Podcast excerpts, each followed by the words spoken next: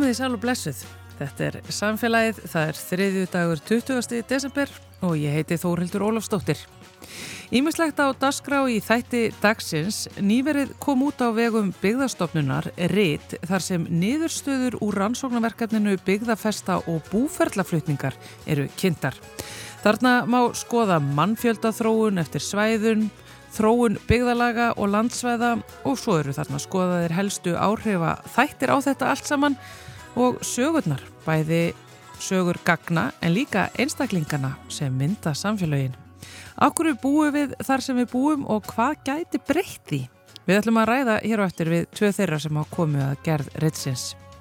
Við fáum svo áttunda hluta örþáttaseríu Þorgers Ólasonar um samfélag og samfélagsmiðla í þætti dagsins.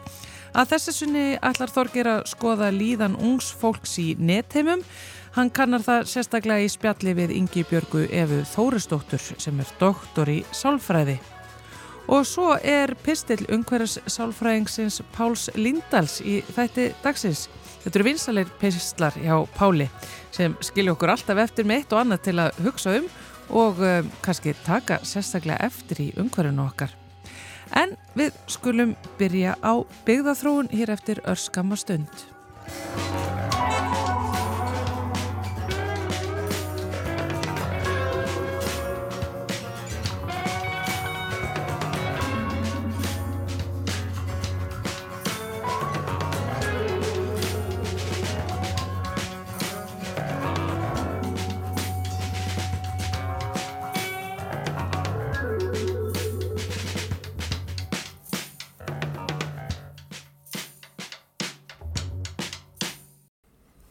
Næst ætlum við að tala um búferlaflutninga. Já, það er búið að gefa út ritt uh, sem heitir Byggðafesta og búferlaflutningar á Íslandi þar sem eru teknar saman rannsóknir á uh, þessum málum. Uh, það eru búferlaflutningar sem hafa náttúrulega aldrei verið eins uh, miklir og uh, já, á síðustu öld og það sem að er liðið þessari, þetta eru miklir uh, og aðtilsverðir breytingatíma. Hjá mér í hljóðveri á Akureyri er Ritstjórin Þórótur Bjarnason og einn þeirra sem leggur til við skrifin á þessu skemmtilega og aðteglisverða riti. Greta Bergrún Jóhannesdóttir, sælverði. Sæl. Sæl. Eh, byrjum bara kannski á, á því hvers vegna það þarf að skoða búferlaflutninga á Íslandi. Getið þið svara fyrir það? Já, sko, tildrögin að þessari bók er svo að, að sko 1997 þá gaf Stefán Ólafsson, professor, út bók um búfellaflutning á Íslandi Mm.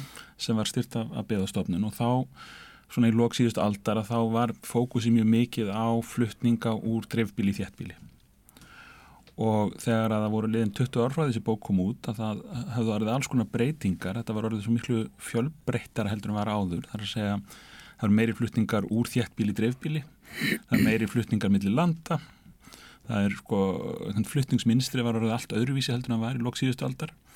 Þannig að, að beðastofnun bað okkur að, að, að svona taka stöðuna, sko, fara yfir þessar rannsóknir sem hafa verið gerðar síðustu 20 árin og, og horfa allir framtíðar. Að svona draga upp einhverja heildarmynd sem verður þetta að nota þá í, í stefnumótun og bara til þess að skilja skilja samfélagið, skilja hvað var að gerast. Já, skilja það okkur Ísland byggist eins og það byggist þá? Já, hvaðan komu hvert stefnum við? Að það er svona að því að þetta var svona þessi gamla mynd sko um að, að hérna, það væri allir að þjappa saman á, á suðvesturhóttinu Já, og svo náttúrulega hefur verið núna þannig að, að sko, já, höfuborgarsvæðið hefur verið með sko, það sem er kallað sko neikvæður flutningsjöfnöður sem þýðir að það eru fleiri sem flytja frá höfuborgarsvæðinu annað á Ísland heldur en í náttina. Fólksfækkun hefur stöðvast allstaðar á sama tíma er þessi mikli aðflutningu fólks frá öðrum löndum og, og við höfum heyrt þetta núna með bara hækkandi fastegnaverð, er það vegna fólksflutninga, já hversu margir er í raun og veru, hver er þessi tölur áreðanlegar mm. og svo framvið þannig að það er svo margt sem að, að spila inn í þetta.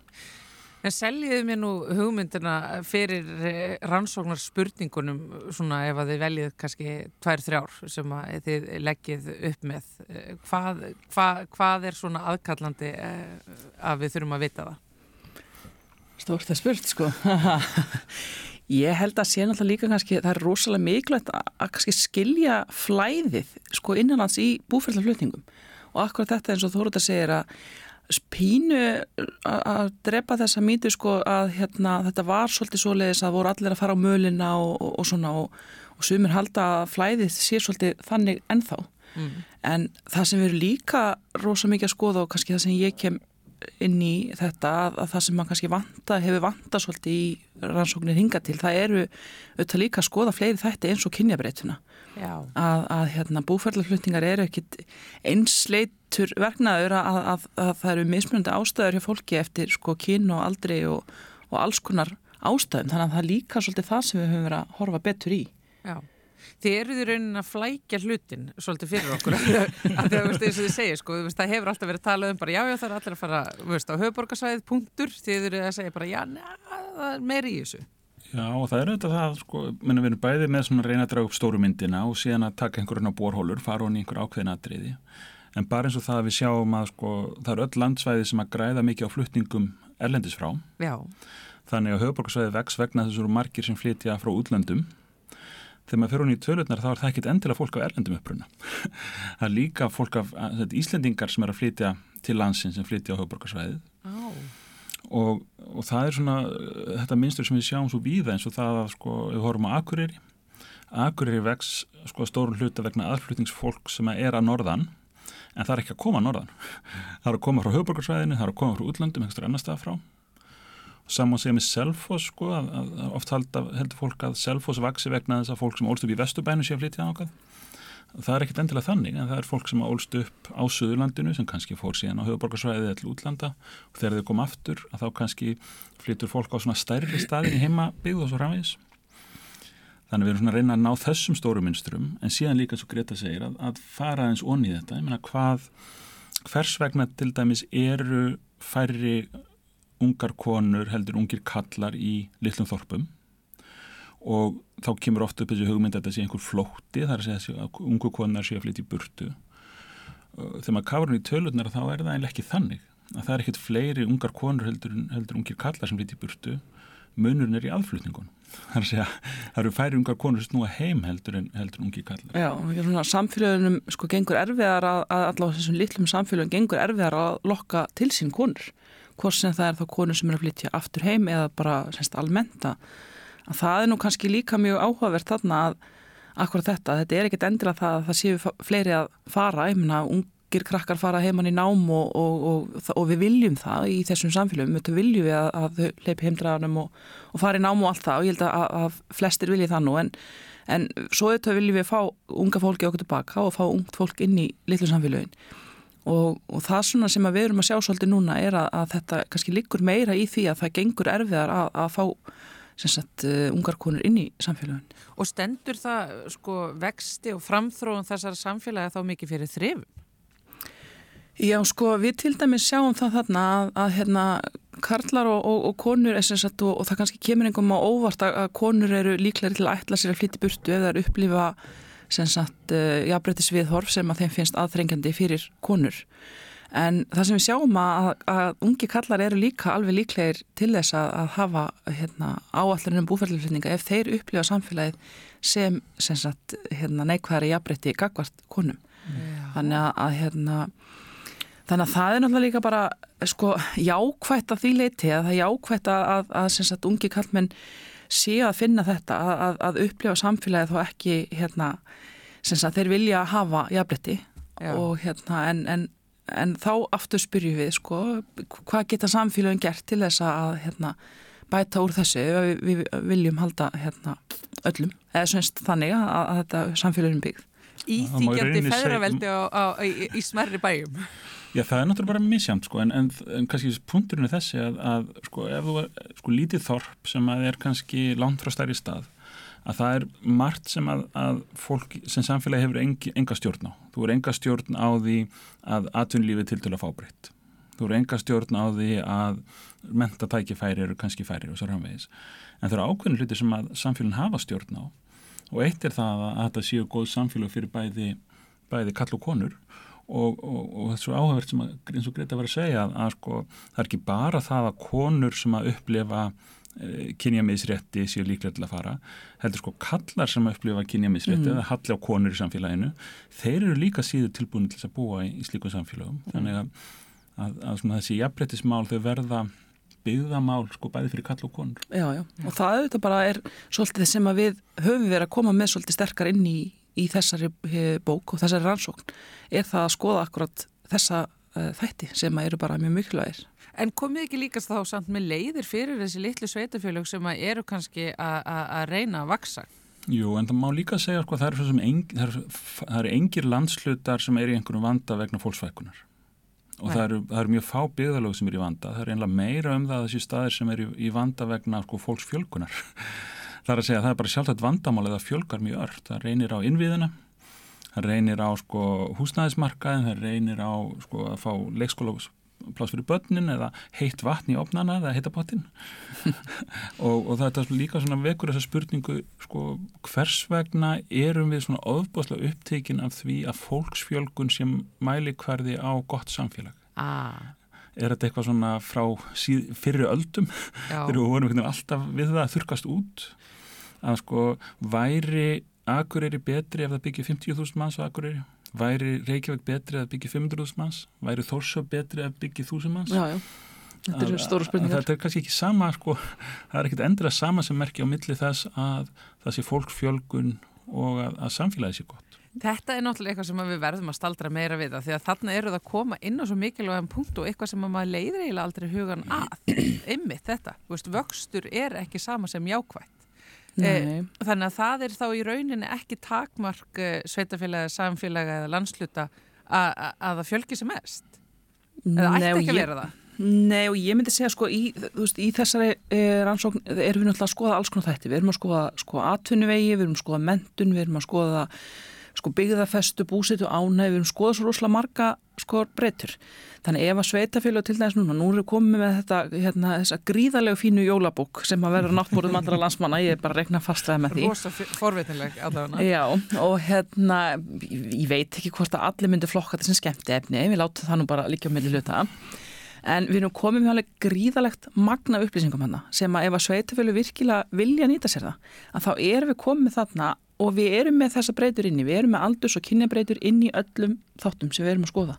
Þannig að það á að vera hægt að horfa pínu í afstöðu til atunlífs eða mentunar eða hvaða þætti sem það eru og segja ok, betur hvaða hópar eru það sem við getum gert betur fyrir. Mm. Eða hvernig svona, þú veist, þannig að ég held að við erum kannski ekki endilega með lausnina, þú spyrir, þú veist, er þið með hérna lausnina, já, já. En, en þá er akkurat spurning svo hversu lausna með eru samfélög ef að þau sjá, herri, betur, hérna eru þættir sem að við viljum laga og við viljum breyta þannig að hérna en ég held að þetta sé akkurat líka þetta sko hvað þarf til að byggja upp gott samfélag að það er ekkert alltaf bara þetta með að að vera sko svo rosalega stór heldur akkurat þetta að hafa fjölbreytna, hafa rúm fyrir alla í samfélaginu. Ja. Við erum með gríðarlega hátt hlutfall innflytjenda í, í mikið til dæmis litlu byggðalögunum og, hérna, og, og þeirra byggðarfest og búsett ána til það skiptir bara til það skriðarlega miklu máli fyrir samfélagin þannig bara sá þáttur með innflytjendur við erum með góðan kapla um, um, um það sko.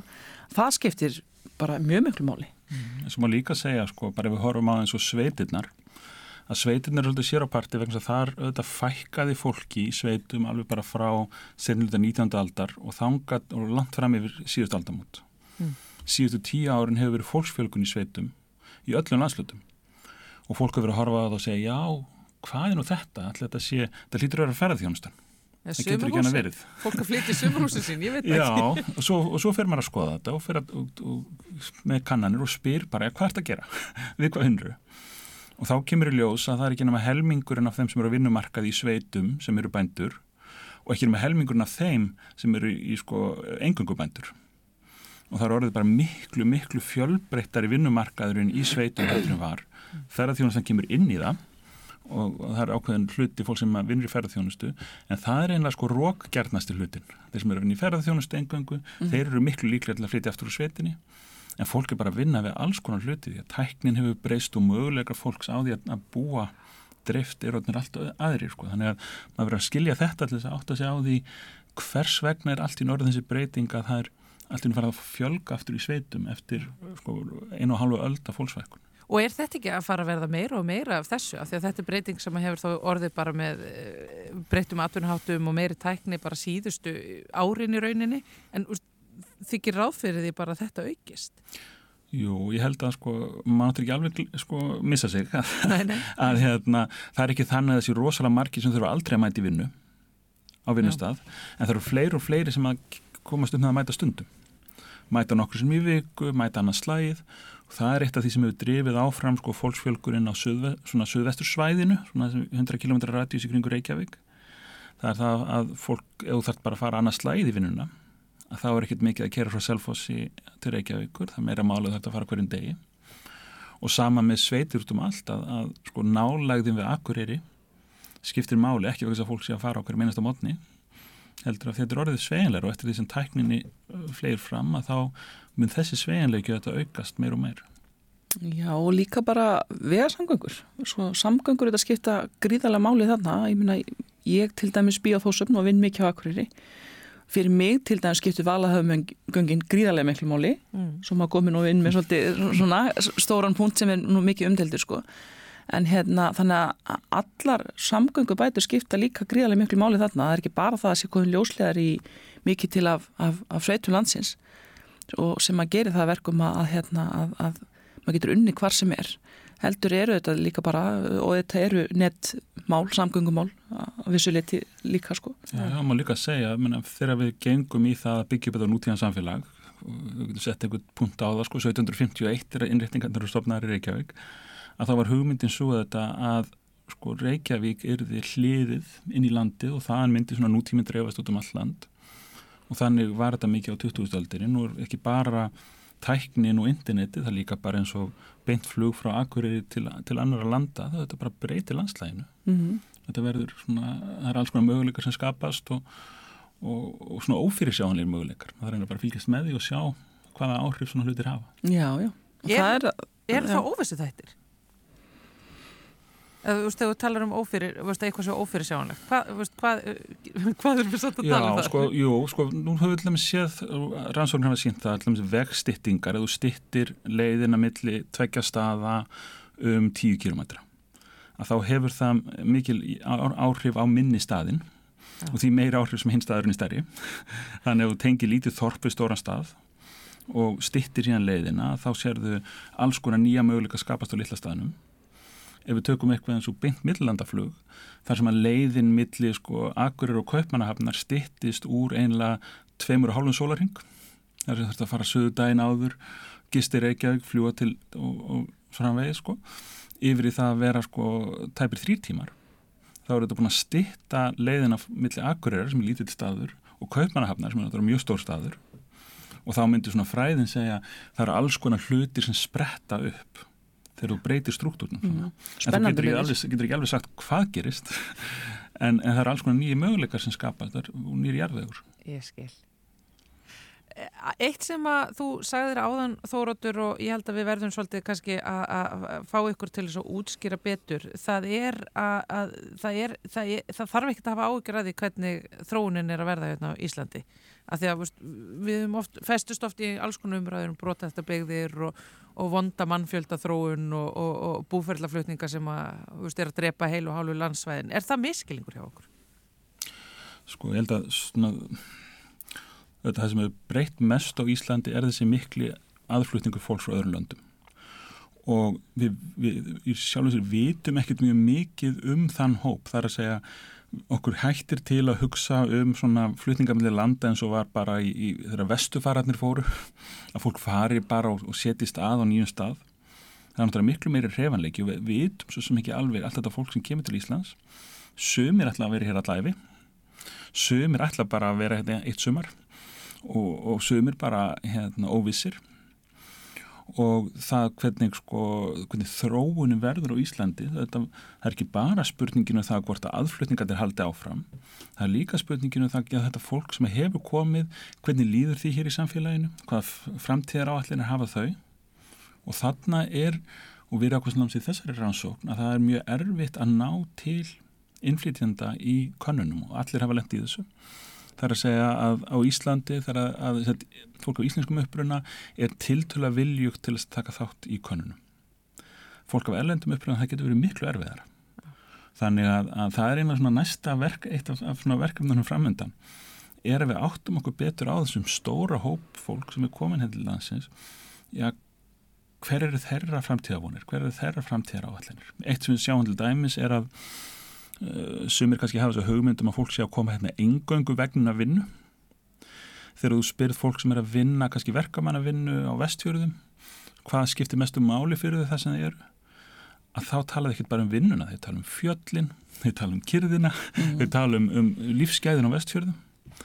Þannig að við erum, svona, við erum oft svolítið fljót að segja já, fólk er hérna bara vegna þess að það bauðst vinna hérna. Mm.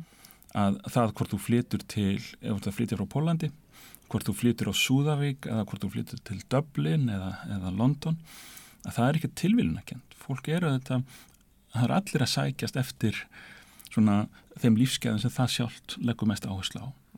Og við þurfum einhvern veginn að, að átt okkur betur á þessu að innflytjendur á Íslandi eru þetta bara, þeir koma hérna líka og þeir vilja búa hér, það er ekki vegna þess bara að hér séu búið einhver, einhver lálaunavinna sem er náttúrulega búið við um, um já, og ég held líka að, að sko því að spyrjum þess að sko hérna neikvæða þróun að þetta er líka bara svolítið það að menn það hafa aldrei búið fleiri á landsbyðunum heldur en akkurat núna sko. Þannig að þetta er líka svolítið spurning akkurat þetta. Á hvaða þætti erum við að horfa? Erum við alltaf að einblýna á það? Byttu heyrðu það eru akkurat hérna 50 færri í þessu þorpu heldur en voru sko á hérna prime time tíma hérna Íslands sjárótt 1980 sko. Það er rosalega erfitt að nota þau við með líka sko að, að hérna að, að þú veist, fólksfjölgun fjöldi fyrir upp og niður og allt það.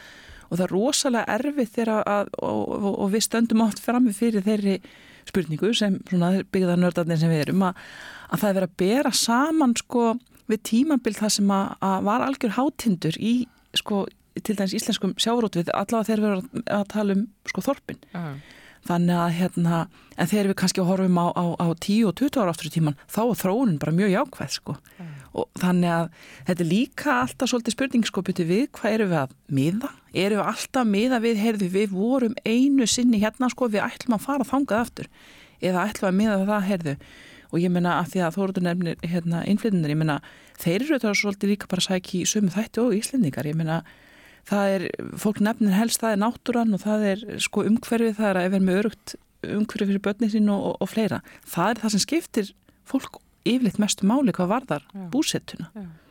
Þannig að hérna fyrir utan auðvitað svo þetta að hafa, fólk verður auðvitað að hafa ís og á, það er auðvitað mikilvægast hann í að öllu, alltaf atvinnan líka sko. En það máttur líka, svo sem ekki glema því að þetta eru staðbundir vandamál.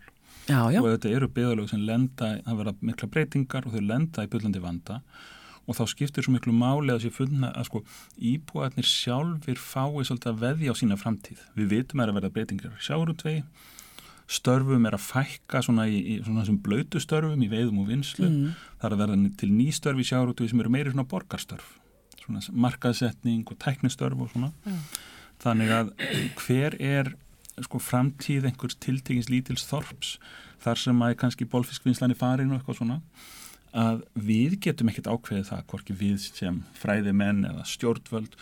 Það verður þetta bara að gefa fólki tækifæri til að veðja á sína framtíð því þetta er, við erum öll að horfa fram á breytingar að, að bara háskólakennarar mun ekki vera til í þeirri mynd sem þeir eru núna eftir 20 ár. Nei, nei, til, eða strætóbílstjórar eða endurskoðundur heimunum er allur að breytast og það er ekki bara sjáanþöfnum sem er að breytast nei, og einlega það versta sem við getum gert er að segja sko já við skulum bara reyna að fara aftur til 1970 við verðum einhvern veginn að gefa fólki kost á að veðja á sína framtíð í þessum heimi sem er breytilur og meina hver veit hvort fólk verði það rétt en, en fólk fá allan að veðja sjálft mm -hmm. Um að gera allavega að skoða þessa bók upp á þetta að gera því að eru, þetta er forvitnilegt hvar sem þú býr svo sem á landinu og ekki gleyma því að bak við alla þessa þróun og alla alla þessa já, já bakvað alla þessa þróun og flutninga eru líka náttúrulega þessa persónulegu sögur sem eru svo aðteglisverðar og skemmtilegar. Þannig að þetta er bara sangkvöldu jólabók myndi ég segja, byggða þess að búferðla flutningar á Íslandi. Þóruður Bjarnason, rittstjóri og Greta Bergrún Jóhannesdóttir einn þeirra sem leggur til við bókina ásand fjöldafræðimanna um að gera að, að eh, kíkja betur á þetta. Takk kærlega fyrir spjalli Takk, Takk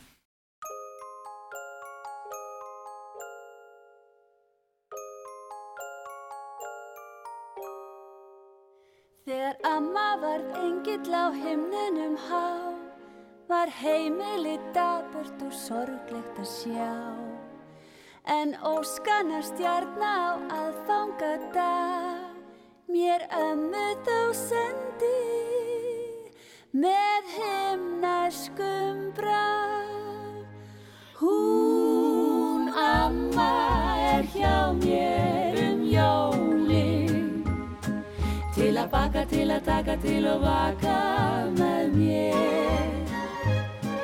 Í kirkli svo hvítum er vangi og með köku gerða svundina mittir af sér. Með vangjana blaki var rikið á braud, svo bjó hún úr hári sér glitrandi skraud og gólfið hún bónaði bendingum með, svo betra gólf bónað ég aldrei hef séð. Hún amma er hjá mér um jólin til að baka, til að taka, til að vaka með mér. Í kirkli svo hvítum köku gerða svunduna mittið af sér. Í eldúsi rjúfurna reitt hún af snill og rappað um daginn og veginn að vild. Í sérrið fór hún svo fínt við og við og fekk sér í nefið að íslenskum sið. Er obskúfan átjándu sortina sá að síðustu ammalokk settist mér hjá og sagði mér sögur og hvæði hún hvað. Þá komu loks jólin, já þannig var það. Hún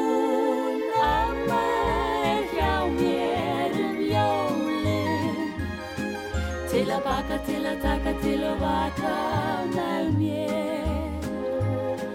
Í kirkli svo hvítum með vangi og með köku gerða svunduna mittið á sér. Til að baka, til að taka, til að vaka með mér og með köku gerða svunduna mittið á sér.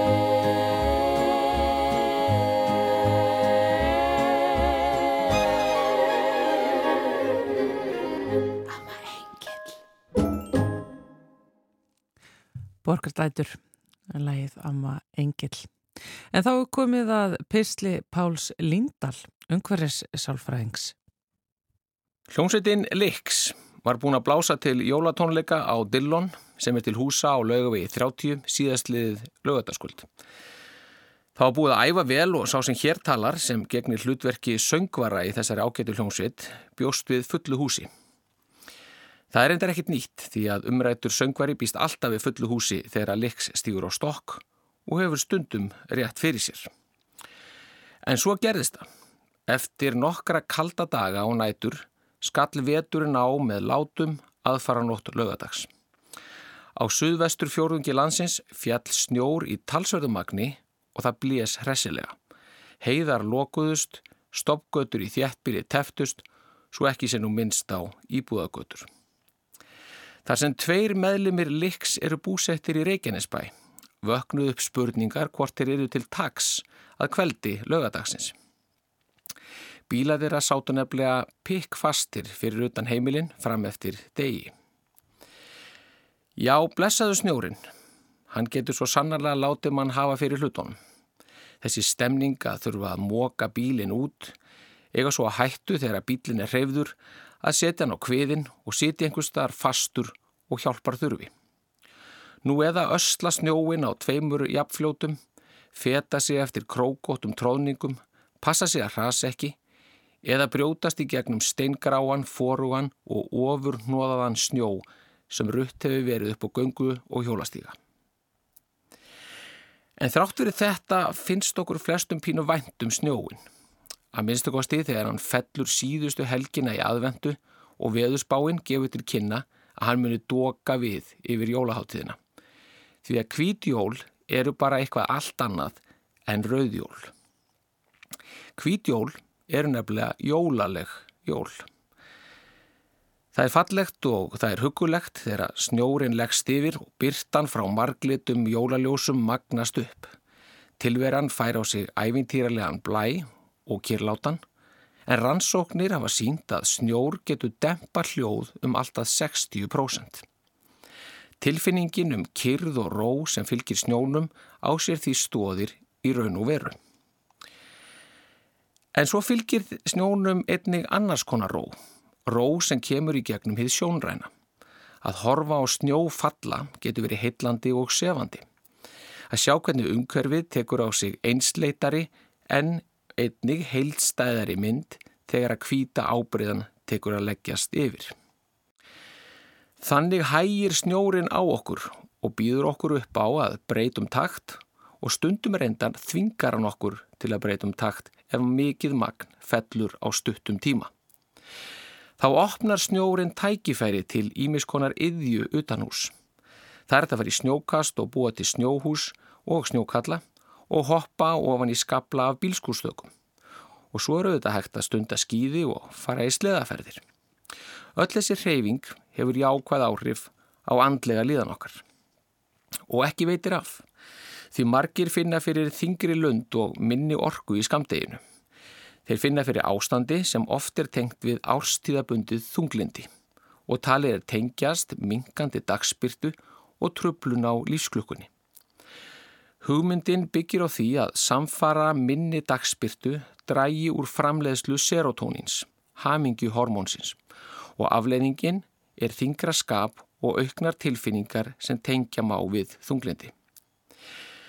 Þrátt fyrir að vitneskja um tengsl árstíða og þunglindis eigi sér langa sögu, en eldstu heimildir má rekja allt til Hippokratisar um 400 ár fyrir Krist, þá var árstíðabundnu þunglindi, sem á ennskup er heitið Seasonal Affective Disorder, fyrst líst og það var fyrst skilgreint á vísindalegum vettvangi árið 1984. Þar voru að verki suðurafríski gæðlæknirinn Norman Rosendahl og félagar hans, en vísindagrein þeirra um efnið byrtist þá í tímaritinu Archives of General Psychiatry. Þáttagendur í rannsókn Rosendahls og félaga voru einstaklingar sem greindir voru með árstíðabundi þunglindi, það er gæðlægð sem tekur að gera vart við sig að hausti og ágerast eftir því sem dagarnir stittast en með hækkandi sól tekur landið að rýsa á nýjanleik. Rósendal og félagar höfðu því áhuga því að kanna hvort ljósa meðferð, það er að gefa þáttakandum ákveðin skamt af ljósi á hverjum degi, gæti dreyið úr þunglindis enginum. Í stuttumáli höfðu Rósendal og félagar erindi sem erfiði því að ljósa meðferðin gerði sitt gagn og hafði niðurstaðan viðtæk áhrif innan gæðlækninga og sálfræði en yfir 3000 vísendagreinar og bækur hafa vísað til hennar. En þar með er ekki öll sagan sögð því að í nýlegum vísendaransóknum er vakin aðtikli á öðrum ferlum sem kunna einnig að ráða för í þessum öfnum. Flesti vísendafólk gengur út frá því að virkni í heilokkar fari niður í legstu lægðir að vetri til en þrátt fyrir það virðist sem framistaða og viðbrög heilans séu alveg jafn góð á vetrum og öðrum tímum árs. Það mótti líta á þessa mingandi taugavirkni í heila að vetri til sem nokkur skonar sparnaðarstillingu sem gerir heilanum kleift að starfa með sama hætti og hann gerir það sumri til en bara með minni tilkostnaði. Og í þróunafræðilegu samengi er þetta rökrétt. Á vetrum þegar að fæða er á skornum skamti og veður oft óhagstæð, þá skiptir öllum máli að heilin geti synd af kostgefni mikilvægustu verkefnunum, svo sem sínt árvekni sem aftur eigur líkur á því að komast af og í þessu samengi er létt lund og andlegur hessleiki ekkert forgangsmál. Þingraskap og minni friskleiki sem fólk finnur fyrir á vetrum þarf því ekki endilega að vera merki um þunglindi. Það getur einfallega verið merki um minni virkni í heila sem er ein byrtingamind þróunar mannsins í náttúrunni frá fyrir tíð. Og án þess að gera lítið úr þeim fjölmörgu sem glýma í raun og veru við árstíðabundi þunglindi, þá er skinsanlegt og eru nöðsynlegt að vikta inn aðrar mögulega skýringar á ástíðabundinni líðan okkar. Mörgum einfallega líkar ekki veturinn og skamdegið og hugmyndin um að þessir dimmu mánuður séu uppspretta, eimdar og ömurðar nærir þá frásögn og þann hugarheim að um sig að ræða erfiða tíma.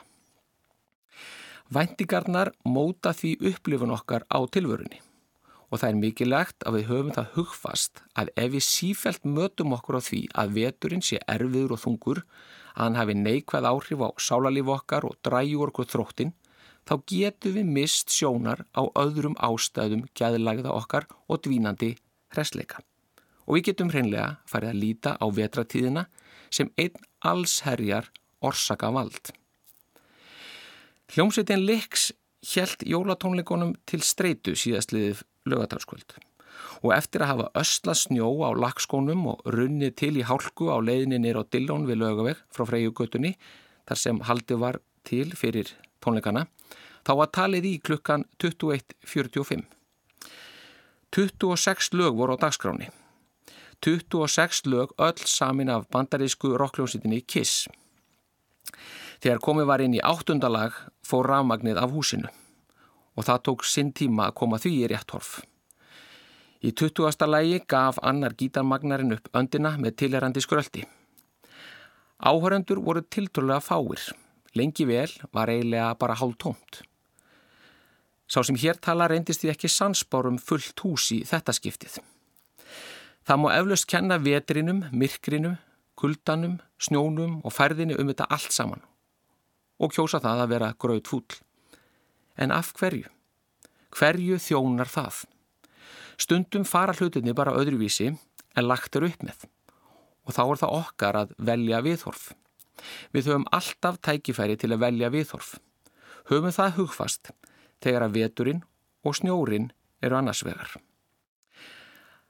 Að þessu sögðu óska ég þér hlustandi góður, gleðleira jóla og farsaldar á nýju ári.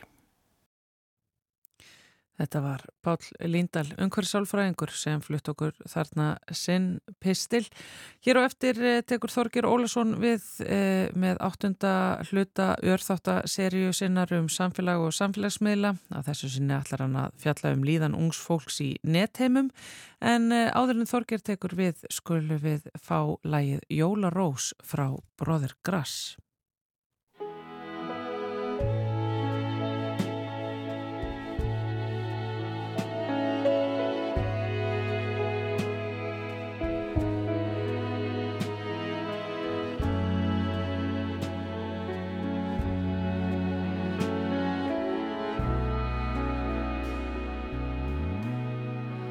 Kertis mína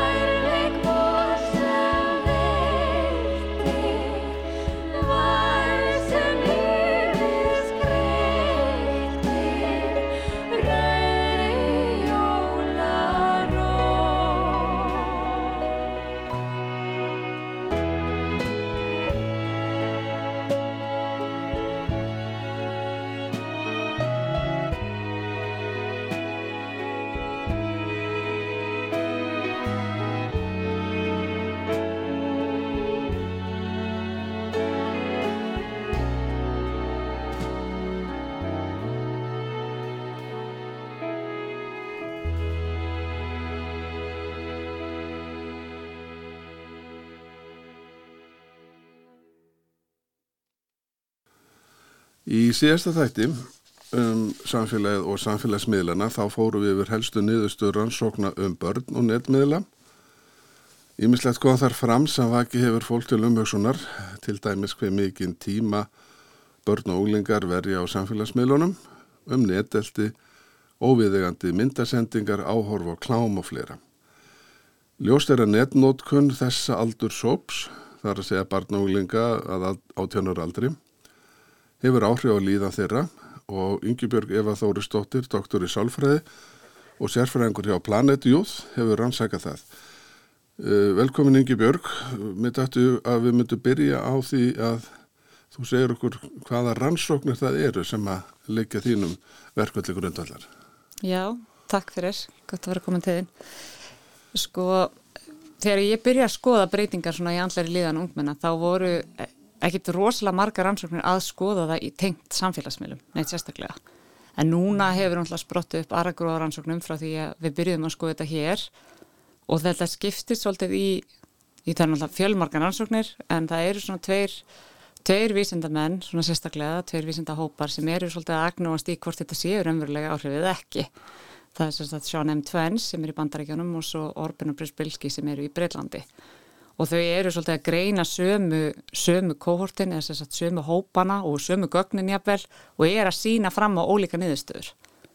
Þannig að annar hópurinn, þessi breski vil meina að þessi áhrif sé ekkert neitt sérlega mikil og þetta sé bara næstu í að sömu áhrif og myndi sjá í tengslum að nota gleru og bora kartablur að meðan að hinn hópurinn er að sína fram á þessi áhrif og sérstaklega þá samfélagsmiðla og sérstaklega þá tengt sérstaklega líðan við, við stúlkur sko. Þannig að það er, en, en þarna eru að sjá mikla breytingar og ef við hugsaum líka bara hvað þetta er rosalega nýtt fyrirbæri þá er eðlilegt að við séum ekki alveg að ná alltaf utanum þetta í rauntíma. Mm.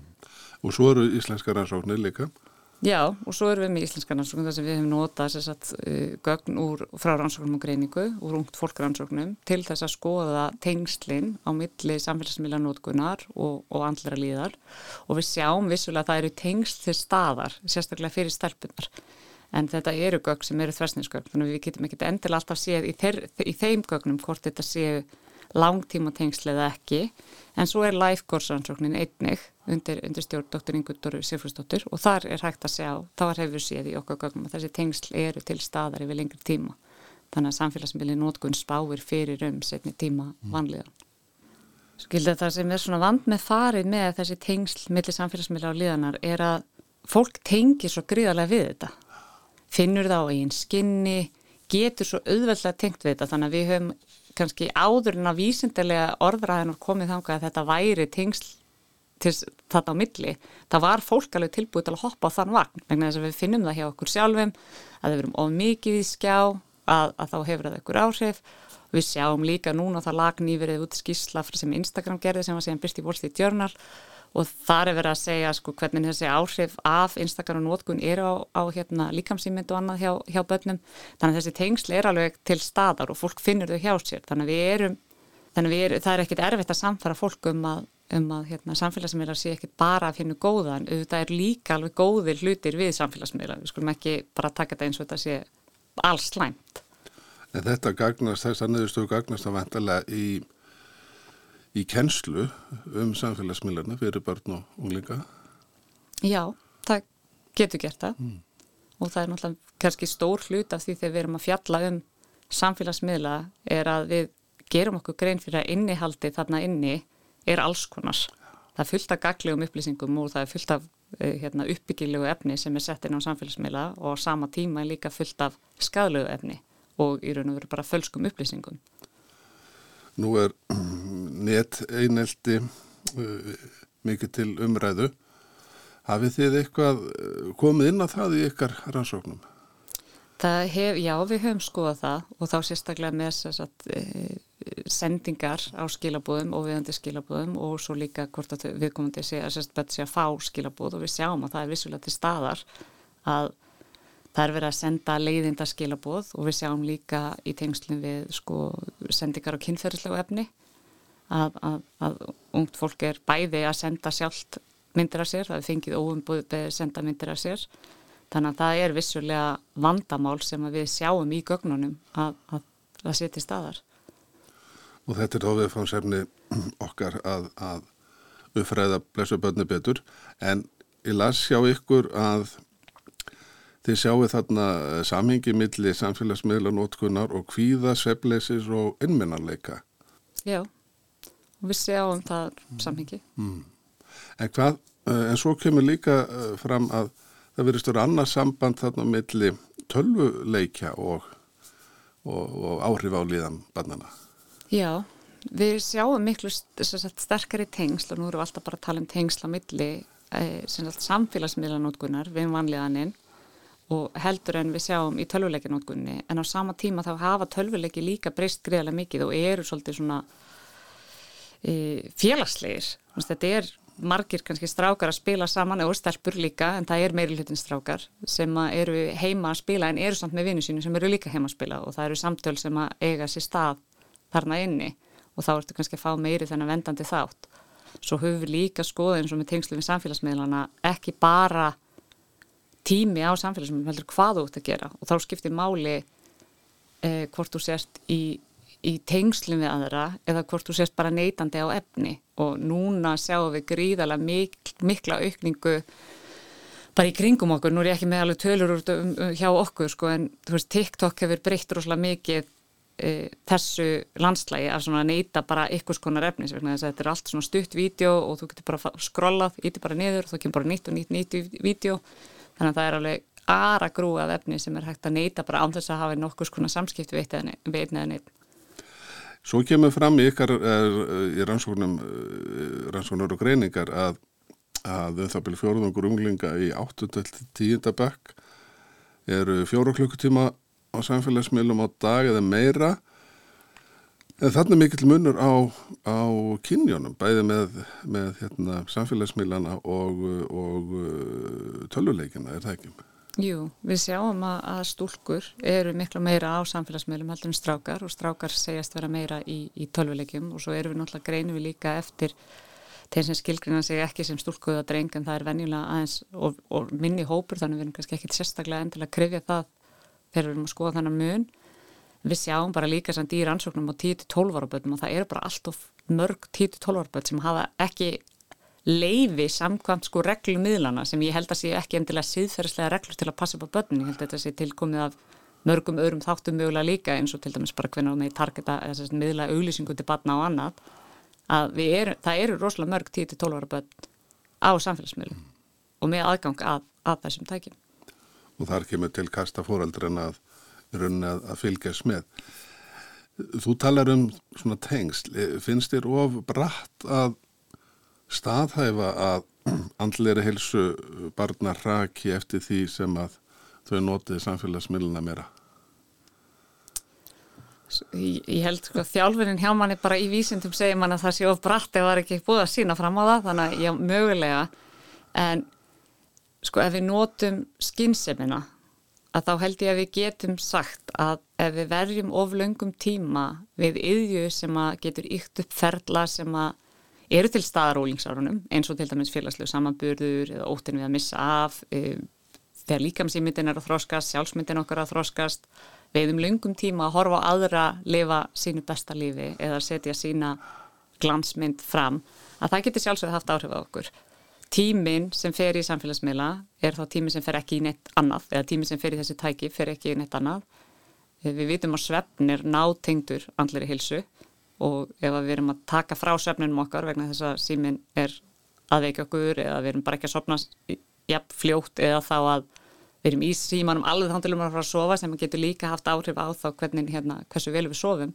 Allt þetta tengist þannig að við kynum kannski ekki akkurat sagt já það eru bara samfélagsmiðlundir en ég held að það séu alls konar ferðlar sem fari í gang þegar við erum mikið á samfélagsmiðlum sem að hafa, hafa þessi áhrif Svona lokum ertu björnsinn eða svartsinn á líðan batna segja, bara næstu áratögin heldur þetta muni breytast eða höldum við áfram og sömu braut í þessum efnum? Þetta verður bara breytast. Við getum ekkert haldið áfram sömu braut, við sjáum bara núna, við erum í yfirfylla bygglista, við erum ekki ná að veita þá þjónustu sem við þurfum að gera, þannig að þetta verður að breytast og við verðum að fara að huga af forvörnum. Við þurfum að fara að vinna meira í að kenna gaggrína hugsun, hvað er það sem er verið að sko miðla af þér? Ok, við getum sagt hérna er áhrifavaldur, áhrifavaldur yfir hverju, er það áhrifavaldur sem er að fá þig til að kaupa eitthvað, hver tilgangur með því að þú sért hér inn á þessu miðli, við sem foreldrar þurfum að vera meira vakandi, miklu, miklu meira vakandi. Og hverju ári kemur upp umræðanum snattjátt og skaðsemi þessar samskiptaðan inni en svo á sama tíma eru, eru fjölmargir hópar, foreldrahópar að ræða sín á milli, þú veist, eigu að leifa snattjátt, eigu ekki að leifa snattjátt og svo eru öll hissa þetta springur í andletið okkur, auðvitað þurfum við að standa saman. Og, og foreldra samfélagi fyrst og fremst, ef við erum að tala um börn og samfélagsmeila, verður að standa saman. Getur við nota þetta mótel sem að var til og, og, og rannskonur og greining og fleiri hafa og Reykjavík og Borg og Sveitafélagin hafa farið eftir þegar unni var gegn tópas reykingum og áfengis nótkunn barnam og ég veit að þið í Youth Planet Planet Youth hafi verið að vinna með það Er hugsalegt að nota sambarlegt mótel í, í, í þessu samengi? Já, ég held alveg klárlega. Við, sko, Íslenska forvarnamótelið hefur óbóðslega marga svo, svo, af þessum, margar af þessum undirstöfum sem þarf fyrir gott samfélag. Og við vitum kannski að þetta er ekki sömu áhætt og vendandi þættirni sem við erum að vinna með vegna þess að við höfum nátt gríðalega, gríðalega góðum árangri að halda niður í výmöfnuneyslu á sama tíma og andli líðan hefur farið vestnandi þannig að við erum ekki að tala um sömu áhrif þættina. Við erum að tala um samfélagsmiðla kannski, við erum að tala um svefn, við erum að tala um foreldrasamstæðan, hún er allt öðruvísi ekkert samfélagsmiðlum heldur hún en ekkert áfengisneislu þannig að við þurfum alveg að líta í einn barm og við þurfum kannski bara að fara að virkja foreldrafélagin svolítið aftur, við þurfum að fara að búa til þetta samtal og samtal sem er byggt á svolítið svona gaggríðni hugsun og sem, samtal sem er byggt á velferð barnan okkar í áframhaldinu. Ekki, eða sérst já, bara í, á næstu árum, ekki akkurat það sem er núna, auðvitað kannski núna þægilega að leiða eitthvað vegna þess að allir eru að leiða það, en ef við hægt og rólega hættum að leiða eitthvað sem við teljum að sé ekki gott fyrir börnun okkar, eða þau hafi ekki þroska til þess að, að vinna með, að þá, að þá held ég að við förum að sjá árangur. Þetta var Ingi Björg Eva Þórustóttir sem rætti þarna við Þorger Ólásson um áhrif samfélagsmiðlana á líðan barn og úlinga þessi örþáttaserja hans Þorgers verður svo tekinn fyrir aftur hér í samfélaginu á næstu dögum hann ætlar að ljúka henni með umræðu um fjölmiðla í almanna þáu og samfélagsmiðlana. En með þessu líkur þætti dagsins í dag. Með í samfélaginu verðum hér með okkur á sama tíma morgun klukkan 13 þanga til, verið í sæl